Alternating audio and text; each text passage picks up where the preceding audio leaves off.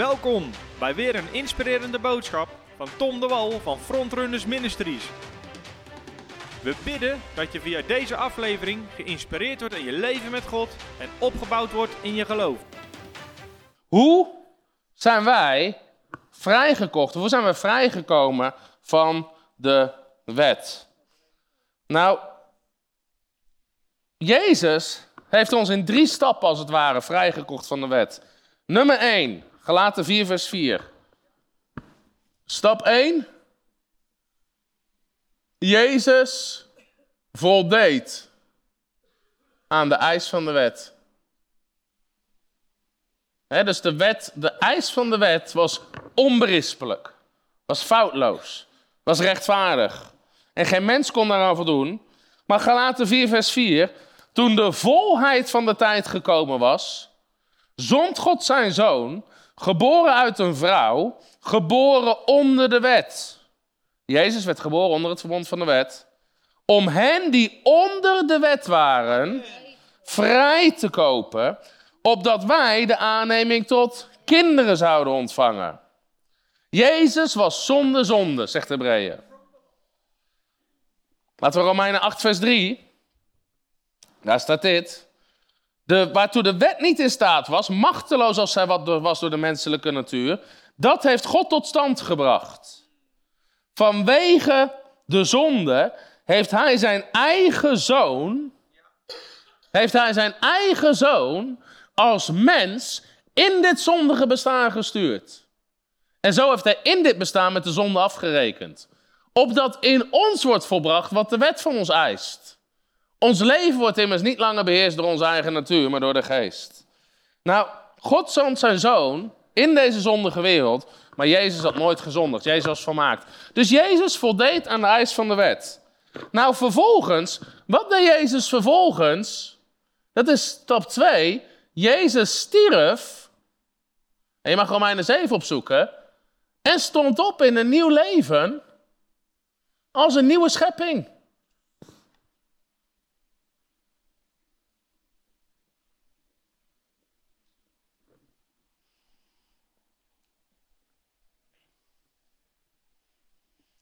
Jezus voldeed aan de wet. Jezus stierf. Nou, waarom is dit belangrijk? Omdat een verbond gold zolang je leefde.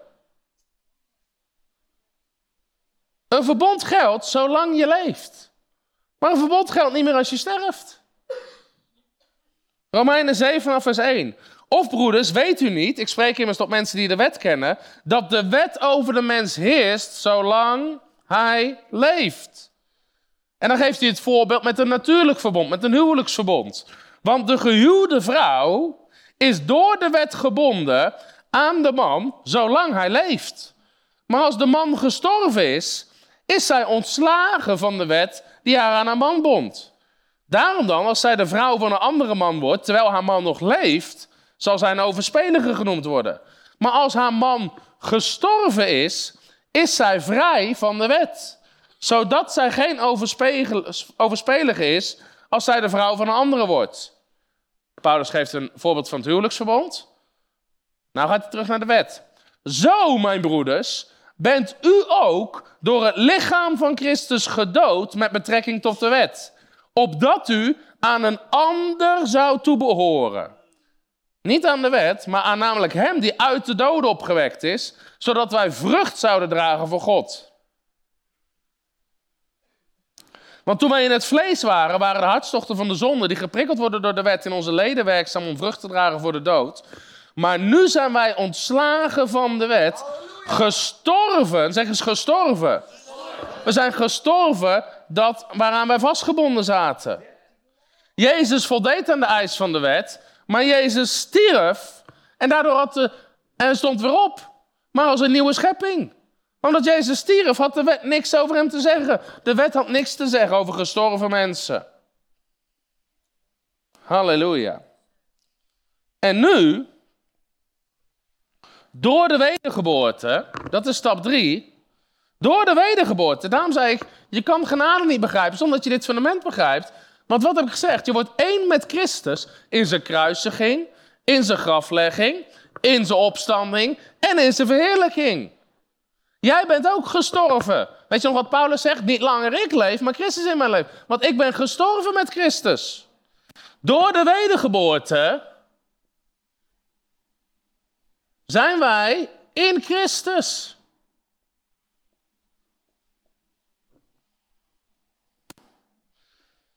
En zijn we ook een nieuwe schepping. Galaten 2, vers 19. Daar zegt Paulus dit. Want ik ben door de wet, voor de wet gestorven. Nou, Paulus zegt, door de, zon, door de wet kwam zonde, zonder bewustzijn. Zag hij dat hij Christus nodig had. Hij heeft Christus ontvangen. Dan is hij door de wet, ook voor de wet gestorven. Opdat ik voor God zou leven. Waarom is hij voor de wet gestorven? Ik ben met Christus gekruisigd. En ik leef niet meer. Die oude mens waar de wet aanspraak op had, die leeft niet meer. Maar Christus leeft in mij. Je bent een nieuwe schepping. Dus als die wet nu iets aan wil spreken in jou, wie leeft er in jou? Christus. Met zijn heiligheid en rechtvaardigheid. En daar valt niks op aan te spreken. Die is onberispelijk. En zover ik nu in het vlees leef, leef ik door het geloof in de Zoon van God. Gelaten 4, vers 4 hebben we dus al gelezen. Toen de volheid van de tijd gekomen was, zond God zijn zoon, geboren uit een vrouw, geboren onder de wet, om hen die onder de wet waren vrij te kopen. Opdat wij de aanneming van kinderen zouden ontvangen. Nou, laten we Romeinen 6 nog even lezen. Romeinen 6, vers 3. Want hier zie je, daarom gaat het constant over de doop en over sterven met Christus. Weet u niet dat wij allen die in Christus Jezus gedoopt zijn, in zijn dood gedoopt zijn? Wij zijn met hem begraven door de doop, in de dood, opdat evenals Christus uit de dood is opgewekt, tot de heerlijkheid van de Vader, zo ook wij in een nieuw leven zouden wandelen. Zie je, je bent gestorven, je bent opgestaan in een nieuw leven. Vers 14.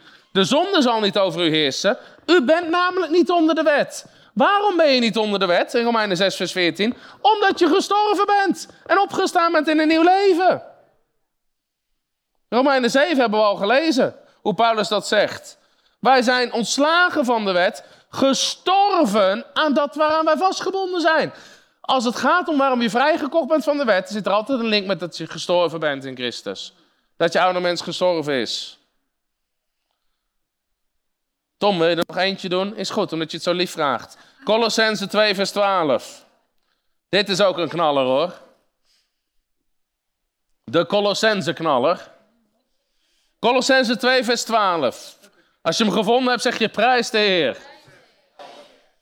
U bent immers met hem begraven in de doop. Zie je, weer het oude leven afgelegd. Waar ook met hem bent opgewekt in een nieuw leven. Door het geloof van de werking van God, die hem uit de dood heeft opgewekt.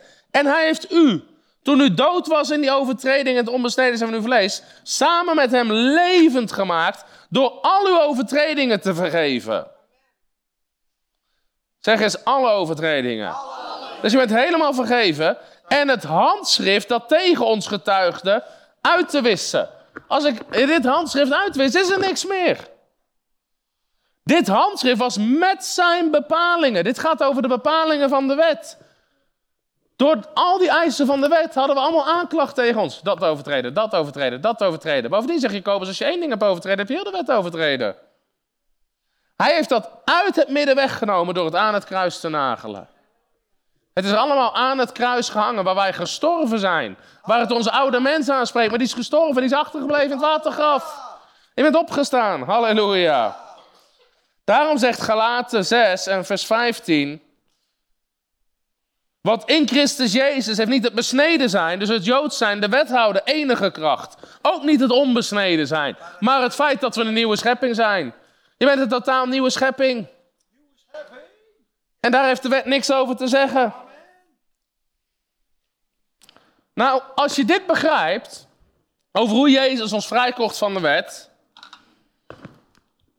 En daarom zeg ik, ik denk dat voor heel veel mensen dit al een behoorlijk schokkende waarheid is over de wet. Zeg je anders in de lucht, zeg van wauw, dit is nog heftiger dan ik dacht over de wet. Als je kijkt wat het Nieuwe Testament erover zegt. Maar, als je dit begrijpt, begrijp je nog maar 50%. Want, zoals wij hier zitten, de meeste mensen zijn heidenen. Je was nooit onder de wet.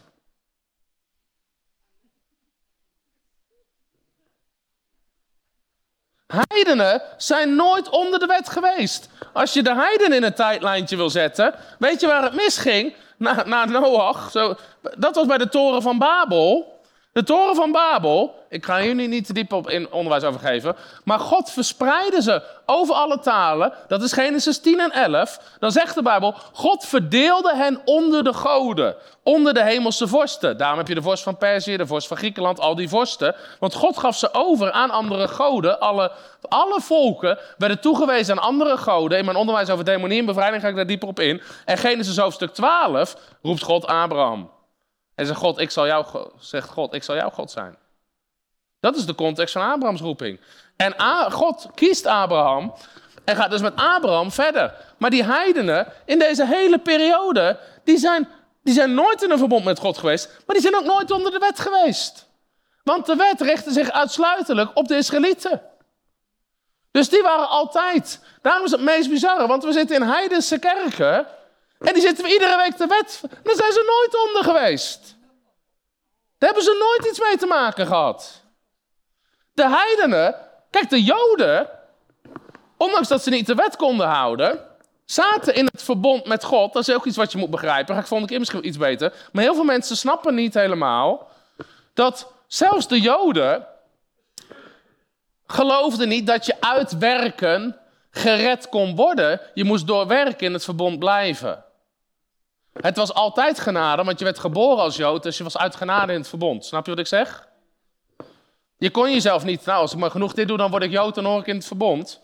Eh, het was überhaupt genade dat je in het volk van God werd geboren. Alleen, je moest je houden aan het verbond om erin te blijven. Maar de heidenen waren dus nooit onder de wet. Die zijn nooit onder de wet geweest. Dus die waren nog verder af van God. Die waren ver weg van de belofte en de verbonden, zegt de Bijbel. Die hadden geen schijn van kans. Behalve dat God al had gezegd: In u zal ik op een dag alle volken, alle volken zegenen. Nou, heidenen zijn dus nooit onderdeel geweest van de wet en nooit onderdeel geweest van het verbond. Maar, ga eens naar Efeze 2, vers 12.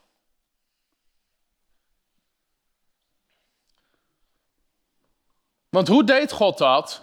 Uit Abraham, nogmaals, Gods plan is alle volken, Adam en Eva, alle mensen. Uit Abraham, Isaac, Jacob, Jozef, kwam Israël, het volk Israël voort. God koos ervoor om met Israël verder te gaan. En uit Israël kwam Jezus voort. En Jezus kiest, of God kiest ervoor om door Jezus zowel Jood als heiden te verzoenen met God en samen één nieuwe schepping te maken. Efeze 2, vers 12.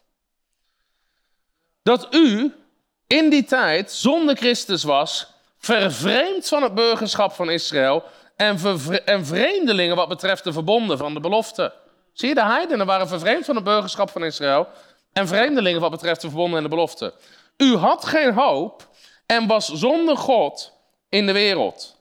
Maar nu, in Christus Jezus, bent u die voorheen veraf was, door het bloed van Christus nabij, dichtbij gekomen. Want Hij is onze vrede, die beiden, die beiden, dus zowel Jood, besnedene, als heiden, Wat heeft God hiermee gedaan?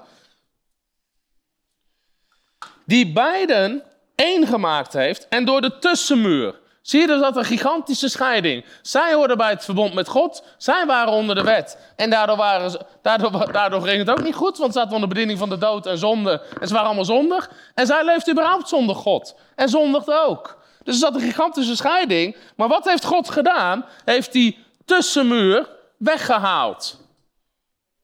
Hij heeft de tussenmuur die scheiding maakt afgebroken, af te breken. Hij heeft de vijandschap in zijn vlees teniet gedaan. Namelijk de wet van de geboden, die uit bepalingen bestond, opdat hij die twee, Jood en Heide, in zichzelf tot één nieuwe mens. Eén nieuwe mens. Zeg eens één nieuwe mens. Zou scheppen en zo vrede zou maken, opdat hij die beide in één lichaam met God zou verzoenen door het kruis, waarin hij de vijandschap gedood heeft. En bij zijn komst heeft hij door het evangelie vrede verkondigd nu die veraf was en hen die dichtbij waren. Want door hem hebben we beide, of je nou Jood of Heide bent, door één geest toegang tot de Vader. Zo bent u niet meer vreemdelingen en bijwoners, maar medeburgers van de heiligen en de huisgenoten van God. Dus dat hele Jood en Heide verhaal, Paulus zegt constant, het maakt niet uit of je besneden bent of onbesneden, Jood, Heiden of Griek. Jood of Heiden is allebei weg en is geworden één nieuwe mens. Eén nieuwe mens. En wat is die nieuwe mens? Is de nieuwe schepping.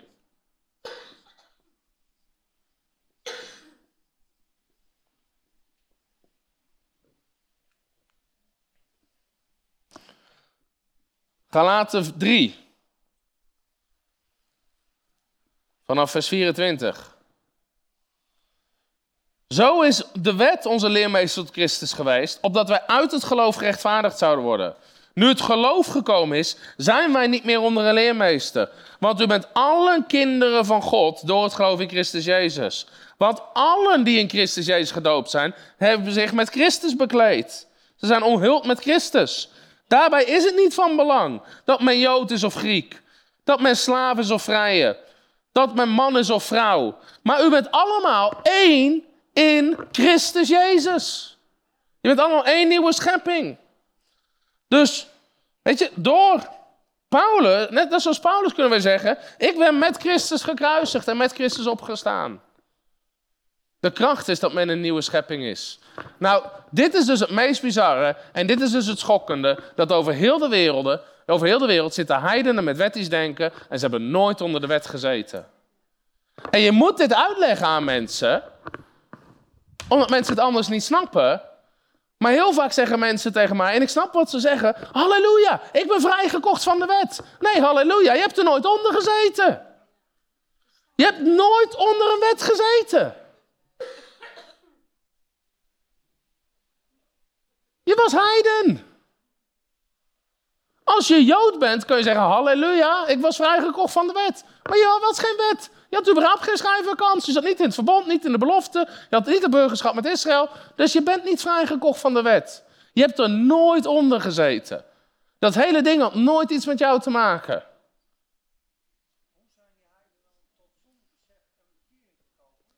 Want Paulus zegt in Romein 1, de heidenen zijn, uh, weet je, innerlijk, sowieso, God kan uit zijn schepping en uit zijn werken gekend worden. En ze zijn zichzelf tot wet. Ze zijn zichzelf tot wet. Dus de wet in die zin kan nog steeds helpen om te zeggen, joh, dit is, en dat is ook wat Jezus, dit is Gods standaard, is heiligheid en rechtvaardigheid. Dan snappen mensen, verwacht, daar hou ik me niet aan. Dus ik heb verlossing nodig in Christus Jezus. Maar die hele wet en dat verbond is nooit voor ze van toepassing geweest. En dat is dus bizar dat we vandaag nog in heidense kerken zitten.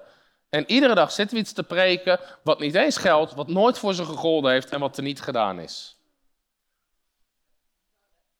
En nu leven we onder een nieuw verbond. En altijd als je dit dus spreekt, zeg maar, ja, maar als je niet, niet de wet hebt, hoe leef je dan heilig? Omdat het Nieuwe Testament spreekt over de wet van Christus. En de wet van Christus is liefde. Liefde. Heb je naast de lief als jezelf. Je zegt, als je wandelt naar de liefde, er is geen wet die zich tegen de liefde richt.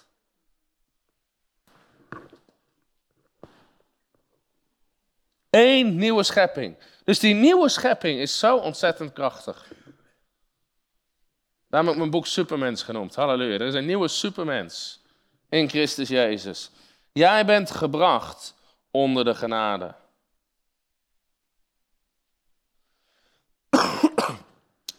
Dus wij kunnen rechtstreeks eten, halleluja, van de boom des levens. Zoek eens even op als afsluiter, Matthäus hoofdstuk 17.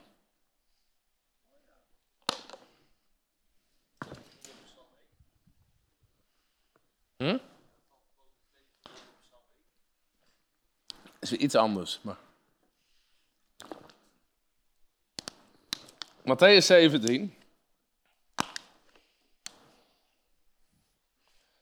En na zes dagen nam Jezus, Petrus en Jacobus, nam Jezus, Petrus en Jacobus en Johannes zijn broer met zich mee en bracht hen op een hoge berg. Nou, stuk symboliek met Mozes de berg op, alleen hen. Ook Mozes nam een aantal oudsten mee de berg op. En hij werd voor hun ogen van gedaante veranderd. Mozes zijn gezicht scheen, maar Jezus heel zijn gedaante werd veranderd. Eigenlijk kreeg hij al hier tijdelijk de verheerlijking op de berg, een verheerlijk lichaam. Zoals hij ook na zijn opstanding zou krijgen. Zijn gezicht straalde als de zon en zijn kleren werden wit als licht. En aan hem verschenen Mozes en Elia. Mozes staat symbool voor de wet en Elia voor de profeten. Jezus verschijnt als nieuwe schepping, verheerlijking. En er komen de wet en de profeten die met hem spraken. En Petrus is als heel veel christenen. En Petrus antwoordde en zei: Heer, het is goed dat wij hier zijn. Laten we, als u het wilt, drie tenten maken. Laten we dit erbij houden, de wet en de profeten. Laten we, altijd, laten hier blijven, kamperen op de berg. De berg, de wet en de profeten. Voor u heen, voor Mozes heen en voor Elia heen. En terwijl hij nog sprak, dus terwijl Petrus zegt, laten we dit zo houden. De wet en de profeten hier, geweldig, hier op aarde. Terwijl hij dit nog sprak, zeg eens, terwijl hij dit sprak. Zie, een lichtende wolk, voem, overschaduwt hen. En een stem uit de wolk zei, God sprak uit de donkere wolk bij de wet. En hier spreekt God opnieuw op de berg met de wet en de profeten, maar ook Jezus in een verheerlijk lichaam. En er komt een stem uit de wolk en die zegt, dit is mijn geliefde zoon, in wie ik mijn welbehagen heb. Luister naar hem. Luister naar hem. Dus terwijl Peter zegt, oh de wet en de profeten, laten we dit zo houden. Dit is mijn geliefde zoon. Luister naar hem. Dat was de boodschap van de verheerlijking op de berg. Dat is juist niet wat moest blijven. Christus kwam om het te vervullen. Alles verwijst naar Christus. Alles verwijst naar Christus.